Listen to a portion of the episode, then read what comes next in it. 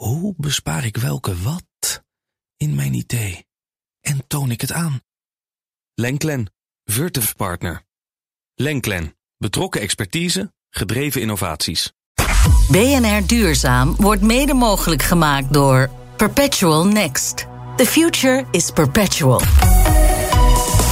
BNR Nieuwsradio. Duurzaam. Harm Edens. Op de groene weg naar 2030 gaan we het vandaag hebben over hoe de gascrisis de transitie naar groene energie kan gaan versnellen. Waar impact-investeerders op letten bij het beoordelen van nieuwe, duurzame business-ideeën. En kunnen we in Europees verband reclame en sponsoring van fossiele producten verbieden? Greenpeace en Reclame Fossielvrij lanceren samen met andere groepen een Europees burgerinitiatief om fossiele reclame en sponsoring te verbieden. Met name waar het gaat om vliegreizen en auto's op fossiele brandstoffen. Bij 1 miljoen ondertekeningen van EU-inwoners moet de Europese Commissie het voorstel behandelen. Greenpeace en Friends nemen deze stap om zo de misleiding en beïnvloeding door fossiele industrie te stoppen, waarmee ze de klimaattransitie tegenwerken, vertragen en naar hun hand zetten. Meer bewustwording, meer transparantie en voor ons allemaal beter nadenken over de keuzes die we maken.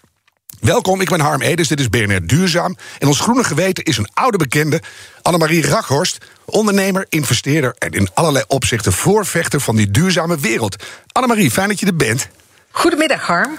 Met welk bericht wil jij deze uitzending beginnen? Ja, dat uh, het toch wel zo is dat we serieus in moeten gaan zetten op de productie uh, van zonnepanelen in Nederland en in Europa. Dat is een supergoed idee, zeker nu die gasprijs zo enorm aan het stijgen is. En uh, we zo slecht aan zonnepanelen kunnen komen. Dat is een beetje een dubbel dilemma. En als mm. we de productie in Nederland goed neerzetten, dan kunnen we gewoon de zonnepanelen op ons dak leggen. Ja, want het idee dat we aan de zonne-energie moeten is er natuurlijk al lang. En heel veel mensen hebben ook al van die dingen. Maar jij zegt er is op dit moment slecht aan te komen, dus dat moet verbeteren. Wat stel je concreet ja. voor? Ja, dus de meeste zonnepanelen die komen uit uh, China. Mm -hmm. En ze zijn ook nog moeilijk te recyclen. En wat we dus eigenlijk willen hebben is een uh, zonnepaneel wat heel goed recyclebaar is. Ja. Um, en wat we niet uit China hoeven halen, maar wat we gewoon in Nederland of in Europa uh, produceren. En bij de BNR Green Quest hebben we ook een paar keer prachtige inzendingen gezien. Bijvoorbeeld de inzending van Solars. Ik ben er afgelopen vrijdag nog geweest samen met Annemarie Spierings, de gedeputeerde mm -hmm. van de provincie Noord-Brabant, om te kijken hoe we Solars kunnen helpen om een fabriek te bouwen in uh, Eindhoven. Uh, zodat we gewoon lekker daar kunnen produceren. En zonnepanelen hebben die je heel makkelijk kunt recyclen. Ja, en die veel naartoe, minder zwaar uh, zijn, zodat je ze ook overal op kunt leggen. Dat is ook goed, dan kun je nog veel meer daken daar geschikt voor maken. We hadden ook Heliatech ja. en Sungavity ja. is ermee bezig. Dus we zouden als Nederland echt het verschil moeten kunnen gaan maken. Goed punt. Dank je. Ja, jij en het kan ook gewoon als we het financieren. Ja, nou ja, we hebben iemand hier in de studio, daar gaan we het zo over hebben. Dus wie weet komt het ter sprake. Jij blijft de hele uitzending bij ons om uh, je met het gesprek te bemoeien dat we nu gaan voeren. Zeker. BNR Duurzaam. Nieuwe innovaties zijn nodig om Nederland zo snel mogelijk CO2-neutraal te krijgen. Maar die innovaties hebben financiering nodig. En dat blijkt maar al te vaak een lastige opgave. Iemand die daar alles over weet is Guus Verhees. Hij staat aan het roer van Shift Invest. Guus. Goedemiddag, Harm. Het is echt zo'n woord, hè? Ik ben een impact-investeerder. Maar wat betekent dat nou concreet? Ja, dat betekent voor ons eigenlijk investeren op de toekomst. Uh, op de belangrijkste uitdagingen op het gebied van voedsel, energie en water. Uh, met als doel om klimaatverandering uh, tegen te gaan en biodiversiteit te bevorderen. Um, ja, weet je, impact en investeren klinkt misschien een beetje dubbel. Van doe je nou goed of moet je geld verdienen? Mm. Voor ons gaat dat hand in hand. Dus zowel financieel rendement als impactrendement. Uh, daar meten we ook op en daar selecteren we op. En op die manier proberen we uh, een combinatie te vinden waarin we vroeg kunnen investeren, risico lopen, maar uiteindelijk ook uh, het verlies wat we aan de ene kant maken, ook weer goed te maken met de, met de winnaars. Ja, los van winst, gaan we straks wel even los over hebben. Is dat waarschijnlijk ook de enige weg waar je uiteindelijk ergens mee uitkomt? Hè? Want je kan wel blijven subsidiëren in goed bedoelende dingen, maar uiteindelijk dan is dat onbetaalbaar. Dat denk ik ook. Uh, dus uiteindelijk als iets uh, Plus nodig heeft voor, voor eigenlijk oneindige perioden, dan werkt het niet. Maar we zien vandaag in de krant ook weer dat dat uh, steeds minder nodig is als je maar meer volume gaat maken. Dus subsidie moet eindig zijn. En alleen dan kun je een business case financieren. Heb je bedrijven die je kan noemen van daar hebben wij in geïnvesteerd? Want hoe lang doen jullie dat al? We doen al twaalf jaar. We hebben bijna 50 bedrijven in geïnvesteerd, grotendeels in Nederland. Noem even twee leuke. Die zich uh, Protix bijvoorbeeld. Protix, ik weet niet of je die kent. Mhm. Dat is een eigenlijk duurzame en alternatieve eiwitbron. gemaakt met insecten. In 2010 geïnvesteerd vanaf papier. Met een zeer bevlogen CEO aan het, uh, founder aan, uh, aan het roer, uh, Kees Aert. Waanzinnig bedrijf. -huh. een beetje zijn tijd vooruit. Maar hij, hij maakt het gewoon waar. Ja, en dat hebben we ook nodig, want de hele eiwittransitie zit onder een groot deel van de landbouwverandering. Dus dat zijn dingen die je dan al vroeg hebt gezien. Eentje van uh, wat latere datum, dat je zegt dat is ook echt iets waar wij ons mee bemoeien. Nou, mobiliteit is natuurlijk belangrijk. De, de transitie daar. Uh, we hebben in Viricity een aantal jaar geleden geïnvesteerd. Hebben we net verkocht aan een Amerikaanse partij. Nou, dat soort successen heb je nodig. Want we hebben ook dingen die niet het nieuws zijn, die niet zo goed gaan. Ja, dat wil ik zo ook weten. Maar dan, dan zitten de bedrijven tussen die eh, impact gaan maken. Dat lijkt me heel lastig kiezen. Want waar, waar ken je zo'n bedrijf op? Je houdt ze tegen het licht. En, en wat moet je dan zien? Nou, je wil impact maken, dus voor ons is dat heel simpel. Is gewoon wat doe je beter dan de status quo. Uh, en dan kun je dan naar SDG's kijken, naar KPI's. Uh, en uiteindelijk gaat dat keer het uh, volume wat een ondernemer kan maken. Mm -hmm. En dat samen maakt impact. Ja. Nou, om uh, goede, goede impact te maken, moet je eerst dus weten wat je beter doet. Dus je hebt vaak een technologie of een platform uh, of een recept nodig wat beter is dan wat, wat er te krijgen is. Dus technologie is belangrijk en onderscheidend vermogen. Maar dan krijg je de wereld die verandert, grondstoffenstromen die in prijs variëren, de consumenten er niet aan wil. Dus het is geen exacte wetenschap. We kijken, Zeker niet. Keer dit, keer dit is dit, dus we doen het. Dus hoe nee, kom je dan? Is, je zoekt wel naar de ingrediënten waarop je kan investeren. En uiteindelijk mm -hmm. zijn de mensen die het verschil maken. Dus je ja. hebt hele goede ondernemers nodig.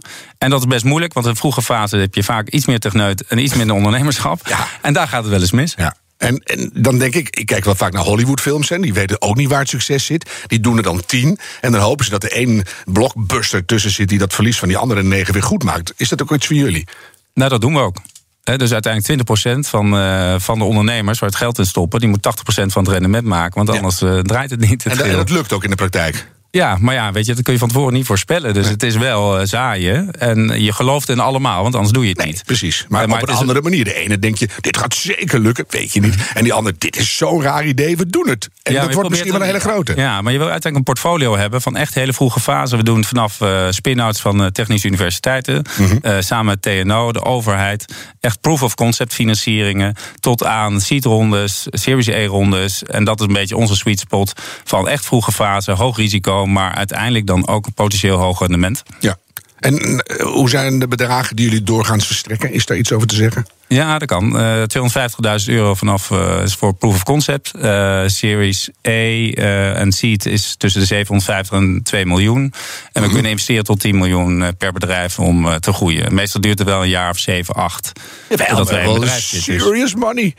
Ja, maar dat, we zijn heel klein begonnen. Maar je kijkt maar, er zo relaxed bij, maar het is echt enorme bedragen. Ja, maar ja, weet je, daar, je ziet alle fondsen groter worden in Nederland. We hebben 75 miljoen opgehaald uh, vorig jaar. We moeten nog naar de 100 miljoen. Mm -hmm. uh, het geld is er wel. Uh, je moet gewoon hard aan trekken. Maar je moet wel track record laten ja, nou, zien. Ik want denk, anders, dat ga ik later wel even vissen. Maar ja. voor wie is dat geld eigenlijk? Wie, wie doen daar aan mee? Uh, Rabobank doet eraan mee. Uh, alle technische universiteiten doen mee. Corbion doet mee. Regionale ontwikkelingsmaatschappijen. RVO. Europese investeringsfonds. Iedereen doet mee. Nou ja, mensen die gewoon voor lange termijn verandering willen, willen, willen zien mm. en daar willen investeren, die doen een klein beetje van hun geld mee in het fondsen wat wij hebben bijvoorbeeld. En, en met ons zijn er nog iets van drie van dit soort uh, ja, fondsen. Maar niet gek veel. Dus dat doen ze dan omdat ze denken, hé, hey, dat Swift, dat clubje... Die, Swift, nou dat, Shift. Shift. Shift. het, is, het is meer ja, een Swift een Swift. Een Swift shift. Ja. Shift. die zijn blijkbaar zo goed dat ze. Die invalshoek willen wij er ook bij hebben. Anders kunnen ze het ook zelf wel doen. Maar dat, dat doen ze toch via jullie. Ja, maar ik denk dat de uh, Rabobank is gewoon al sinds de jaren 80 of 19, hè, dus de vorige eeuw, mm -hmm. zijn zij bezig met de verduurzaming van de landbouw. Ja. Dus die, die zijn daarin geïnteresseerd, maar doen een klein beetje van hun geld mee in een heel risicovolle fase wat wij uh, investeren. Laten we Annemarie eens even erbij trekken. Want Annemarie, jij weet hoe lastig het vaak is om voor duurzame ondernemers aan financiering te komen. Hoe, hoe is dat uit jouw eigen ervaring? Heb je voorbeelden?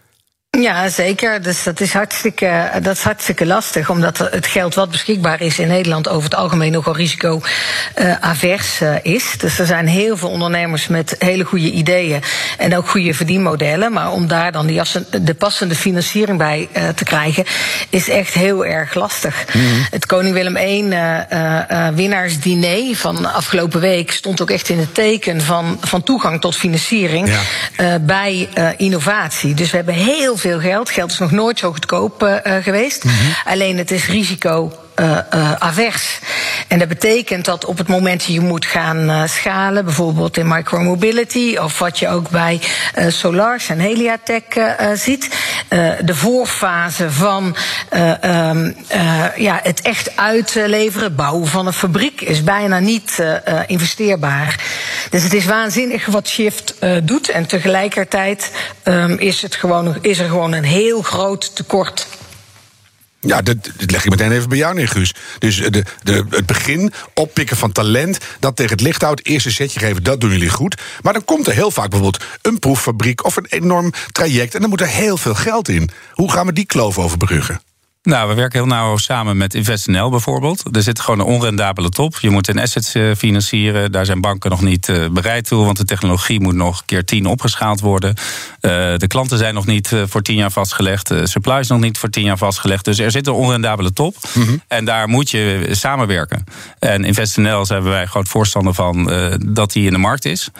die kan niet het rendement maken wat de private sector maakt, want anders werkt het natuurlijk niet. Nee. Dus die moeten iets voor lief nemen dat ze risico lopen en de private sector in staat stellen om toch het risico te nemen in de vroege fase om fabrieken te bouwen. Ja, maar die kloof die moeten we ergens gaan slechten. Annemarie, heb jij het gevoel, doordat dat ja. nu niet genoeg gebeurt, dat dat echt slecht is om die klimaatdoelen te gaan halen? Want het vertraagt ja, natuurlijk. Ja, dat is zeker zo. Dus het is natuurlijk waanzinnig om goede voorbeelden te hebben waar uh, Shift samen met InvestNL uh, um, samen kan werken om uh, te komen tot die financiering. Maar ik ben wel heel benieuwd hoeveel kansen Guus voorbij heeft zien gaan waar de financiering niet rondgekomen is. Omdat die, die verschillende soorten van financiering die samen moeten komen ja. bij zo'n start-up of scale-up het niet gelukt is. Nou, Want dat zie ik vooral in de ja. praktijk. Guus, waar, waar, wanneer lukt het soms niet, terwijl je eigenlijk hebt liggen? Um, ik denk dat het met name tijd kost. En de afgelopen jaren zijn het een stuk beter uh, om dit soort dingen te gefinancierd te krijgen. Ik denk uh, vijf tot uh, tien jaar geleden gewoon niet. Moest alles met eigen vermogen. Mm -hmm. Nou, weet je, daar kun je bijna geen rendement aan opmaken. Maar uh, we zien wel dat er nu steeds meer ruimte is om dit te doen. De regionale ontwikkelingsmaatschappij hebben ook allemaal lokale fondsen uh, om op klimaattransitie te kunnen investeren. En accepteren soms dan een wat lager rendement dan, uh, dan de markt. Ja. Dat, dat helpt. Even naar die, naar die, die hele prille, uh, vaak techneuten die dan een fantastisch uh, game-changing idee hebben. Hoe moeten die zich voorbereiden op de eerste ontmoeting met jullie? Wat kunnen ze doen? Ja, ik denk dat je altijd ambitieus moet zijn. Je moet ook een bepaalde realiteitszin hebben. Dat uh, laatste dus... is moeilijk, hè? Want dan zit je helemaal in ja, je formules tuurlijk. en in je scheikunde. Maar alleen maar bullish zijn heeft natuurlijk niet zoveel zin. Dus er moet ook ergens een plan worden en er moet een organisatie bij. En ja, het belangrijkste vinden wij dat een, uh, dat een team reflectievermogen heeft. Mm -hmm. Want uh, van 5 naar 10 man opschalen, van 10 naar 25 of van 25 naar 50, 50 naar 100. Elke keer is een transitie van je organisatie ook nog. Dus niet alleen technologie, maar nee, ook echt organisatie. Dat is het minste. Dan krijg je een onderneming ondernemingsraad ja. en een kantine met vegetarische kroketten. En het is heel ingewikkeld, ja. Daar helpen jullie ook mee. Daar helpen we mee. Dus we scannen we het team op uh, bij investeren. En we helpen met name in de begeleiding en ook externe begeleiding gedurende de investering. Mm. En het belangrijkste is dat ze willen veranderen en dat ze mensen aan willen nemen die anders zijn dan zij. Die erbij mogen omdat het anders niet gaat lukken. Ja, en die gaan dan soms wat meer verdienen dan zij in eerste instantie. Oh ja, dus dat is altijd lastig. Ja, ja. Welke voorwaarden stellen je uiteindelijk? Want op een gegeven moment moet je dat bedrag gaan overmaken. Of weet ik veel hoe dat gaat. Kom je met een. Uh, kistje met uh, bankbiljetten erin. Ja, cash. Zitten daar nog hele harde voorwaarden aan? Dat je zegt een contract uiteraard? Ja, zeker. Nou, we investeren zo vroeg dat we vaak de eerste uh, meer professionele investeerder zijn. En daar komen wel voorwaarden bij kijken. Dus uh, we zijn wel minderheidsaandeelhouder, maar we hebben altijd iets te zeggen samen met de onderneming en de ondernemers over de strategie, over financiering, mm -hmm. over als je een joint venture wil sluiten met iemand, over licenties. alles wat strategisch is, daar zijn we bij betrokken. En met name aan de organisatie en mensen inhuren, zijn we betrokken. En dan zei je, we zien wel duizend innovaties of, of mogelijke investeringskansen in een jaar. Ja. En uiteindelijk kiezen we er een stuk of acht of tien. Dat is heel weinig. Hè? Dus je, je, je hebt heel vaak nee. Wat is de belangrijkste reden om nee te zeggen? Is dat de schaalbaarheid van dingen? Of is dat het team? Dat je denkt, hele leuke mensen, maar dit wordt nooit wat? Of een matig product toch uiteindelijk? Ja, het moet wel onderscheidend echt zijn, de waardepropositie. En dus duurzaamheid en een impact moet ook in die waardepropositie terugkomen. Dus het kan mhm. niet alleen een economische verbetering zijn, wat, uh, wat klanten al uh, hebben gezien. Het moet ook impact kunnen maken voor hun, naar hun klanten toe. Maar een van de grootste bottlenecks zijn gewoon mensen. Goede mensen, goede technologie. Mm uh, of niet financierbaar, duurt te lang, kunnen niet dat in tien jaar. duurt te lang. Hè? Dus ja. Annemarie, herken jij hier iets van? Want jij zit natuurlijk ook altijd aan die andere kant van ik wil dit gaan doen.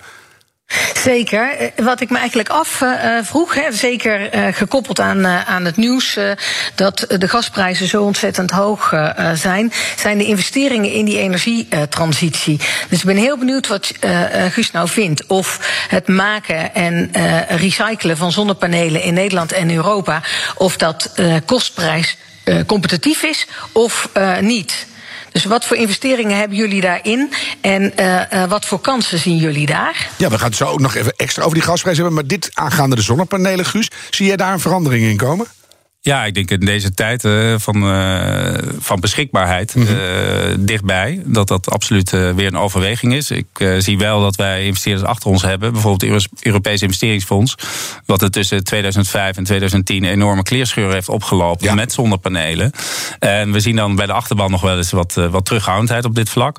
Ik denk wel dat we een nieuwe tijd weer leven. En we zien ook binnen die duizend proposities waar jij het net over hebt, zijn gewoon proposities die ooit niet goed genoeg waren of er nog niet waren. En die komen er dan uiteindelijk weer naar voren. En ja. Solar is daar bijvoorbeeld ook een van. En je ziet het veranderen, hè? want je wil geen afhankelijkheid van Rusland. Je wil heel veel dingen niet meer. Je wil korte ketens, je wil een toekomstgericht product. Dus dingen veranderen. BNR Nieuwsradio. Duurzaam. Harm Edens. Onze gast deze week is Guus Verhees van Shift Invest. Zometeen praten we verder over de rol van de financiële sector. Die is behoorlijk uh, groot bij het verduurzamen van Nederland. Maar eerst toch nog even wat langer over die torenhoge gasprijzen. Minister Ollengren opperde vandaag al een oplossing. We hadden al op Prinsjesdag eh, aangekondigd dat we extra middelen hebben uitgetrokken voor isolatie. Want isolatie is natuurlijk een hele effectieve maatregel om je energieprijs omlaag te krijgen. Dus uh, het is altijd slim om je huis beter te isoleren. Uh, en we gaan daar ook fors op inzetten in dit en hopelijk ook in het volgende kabinet. Ja, en dat willen we allemaal wel, want we kunnen er niet omheen. Die prijs van dat gas blijft maar gaan. Speculatie al om ook. Uh, Annemarie, jij zei het al aan het begin van de uitzending. Het is slecht nieuws voor de meeste huishoudens. Maar kan dat ook versnelling van die energietransitie opleveren? Of is dat de ijdele hoop aan mijn kant? Hoe zie jij die ontwikkeling? Nee, zeker, zeker niet. Dat, uh, um, ik snap dat als jij um, elke maand opnieuw de eindjes aan elkaar moet knopen... en uh, in een slecht geïsoleerd huis woont, wat niet eens van jou is... Hmm. dat het als een enorme dreiging op je afkomt, deze gasprijs. En tegelijkertijd is dit wel waar we ontzettend op gehoopt hebben al die tijd. Een eerlijk level playing field voor uh, duurzame energie. En het isoleren van je huis is natuurlijk het eerste wat je dan doet. En als je niet weet hoe, dan moet je even op de website van Milieu Centraal kijken. Dan kan je dat allemaal zo terugvinden. Mm -hmm. Alleen wat ik steeds merk, dat is du moment dat mensen een zonnepaneel op hun huis hebben liggen en dus energie inzien stromen van iets wat ze zelf hebben aangeschaft, ja. dat ze veel beter op hun energieuitgaven uh, uh, ja. ja. gaan letten. Ja. En dat gaat dus enorm helpen in die energietransitie. Maar dan moet het zo zijn dat we die zonnepanelen ook gewoon lokaal kunnen kopen en vooral ook kunnen recyclen. Ja, dat is een heel Want goed als punt. Je, Want ik, en ik denk dat je gelijk hebt. Zo gauw we daar echt zelf met de klauwen aan zitten, dan denken we ineens, oh, maar dan kunnen we hebben die vriezer niet meer nodig en dan kunnen we dingen heel anders organiseren. Kijk ik even naar Guus. Denk jij dat er genoeg mensen zijn om al die dingen uit te voeren, Guus? Om die dingen te maken, te monteren? Want we hebben heel weinig personeel. Ja, maar als je kijkt hoe Picnic uh, zijn, uh, zijn warehouses inricht, daar komen niet zoveel mensen aan te pas, volgens mij meer. Dus volgens mij zit daar het probleem niet. Ik denk dat het gaat uiteindelijk over: kun je concurrerend uh, produceren? Mm -hmm. En zijn jouw afnemers bereid om een bepaalde prijs daarvoor te betalen voor het feit dat het lokaal gemaakt wordt? En als we het groot genoeg gaan doen, moet dat concurrabel zijn, toch?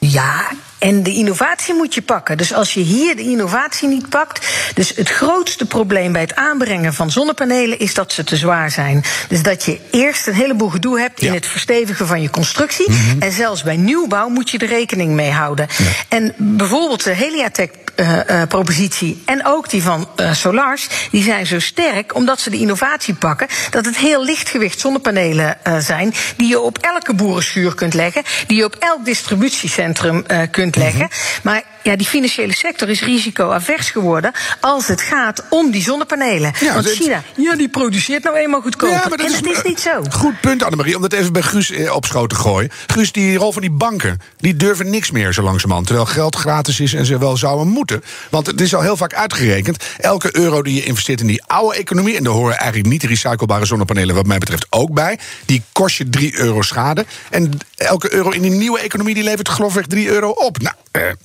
ja, ik denk dat banken vaak een probleem hebben in hun risicosysteem. Want daar passen al die nieuwe modellen vaak niet in. Mhm. Eh, dus je moet eigenlijk op business case in plaats van cashflows en zekerheid uh, gaan financieren. Maar als jij dat nu al in één zin aan mij kan uitleggen, waarom snappen die banken dat dan niet? Nou, ik denk dat die heel veel andere dingen aan hun hoofd hebben gehad. Maar dat kan niet meer, want binnenkort hebben ze geen hoofd meer. Nee, maar ik denk ook dat ze, dat ze op verschillende assetklassen wat moeten doen. En uh, uiteindelijk investeren zo vroeg als wij doen, moeten ze het zelf niet doen, want ze doen gewoon mee met fondsen zoals wij. Mm. Nou, dat moeten ze ook doen, want ik denk dat daar, ze daar zelf de mensen niet voor hebben. Want maar een heel ander meer in, in jullie fonds gooien. Ja, maar ook dat moet een bepaald percentage weer zijn van het geheel. Dus uh, daar zullen ze. Waarom moet dat? Omdat ze met, een oude, eh, met hun oude maatstaven kijken naar de nieuwe wereld. Wat eigenlijk niet nee, goed want ik denk dat het heel goed kan. Ik denk mhm. dat het wel wat meer kan. Maar ik denk dat het heel goed is, ook voor pensioenfondsen. dat zij ook een hele vroege fase een klein beetje van hun geld willen spenderen. En zo kan dat steeds naar een latere fase steeds meer geld met steeds meer zekerheid. Mhm. En in het begin is er gewoon heel hoog risico. En daarom kunnen ze gewoon prima in meedoen. Maar dan hoeven ze niet per se van een balans te doen. Dan kunnen ze gewoon uh, met commitments doen aan fondsen zoals wij zijn. Tenzij die balans anders gaat inrichten. Want dat is wel mooi om even met jou te bespreken. Hoe gaat dat er de komende jaren uitzien? Winst alleen maken, dat kan echt niet meer. Dat zijn we het zo langzamerhand bijna met z'n allen over eens. Bedrijven moeten laten zien waarom ze bestaan. Wat ze bijdragen aan zo'n nieuwe volhoudbare wereld. Wat, wat is jullie voorbeeldrol daarin? Hoe ga je die banken en al die andere financiële instellingen aan de hand meenemen? Nou, wij zitten er altijd al heel vroeg in voordat de bank komt kijken. Uh, soms hebben ze wel een achterstelde lening uh, verstrekt, wat, uh, wat prima is. Maar mhm. krediet om verlies te financieren is niet zo'n heel goed idee. Dus je moet een ander instrument hebben. Dus dat kan met, met eigen vermogen. En zeker in de transitie heb je vaak projecten, zoals Annemarie net ook zegt, hè, die moeten op een andere manier gefinancierd worden. Dus je hebt project equity nodig bijvoorbeeld. En je hebt projectfinansiering nodig, de, de debtkant daarvan. Ja. En die moeten allemaal bij elkaar komen. Dus je hebt allemaal teams nodig die dat deeltje willen financieren. Maar dat is toch eigenlijk een nieuwe manier om die nieuwe wereld te maken?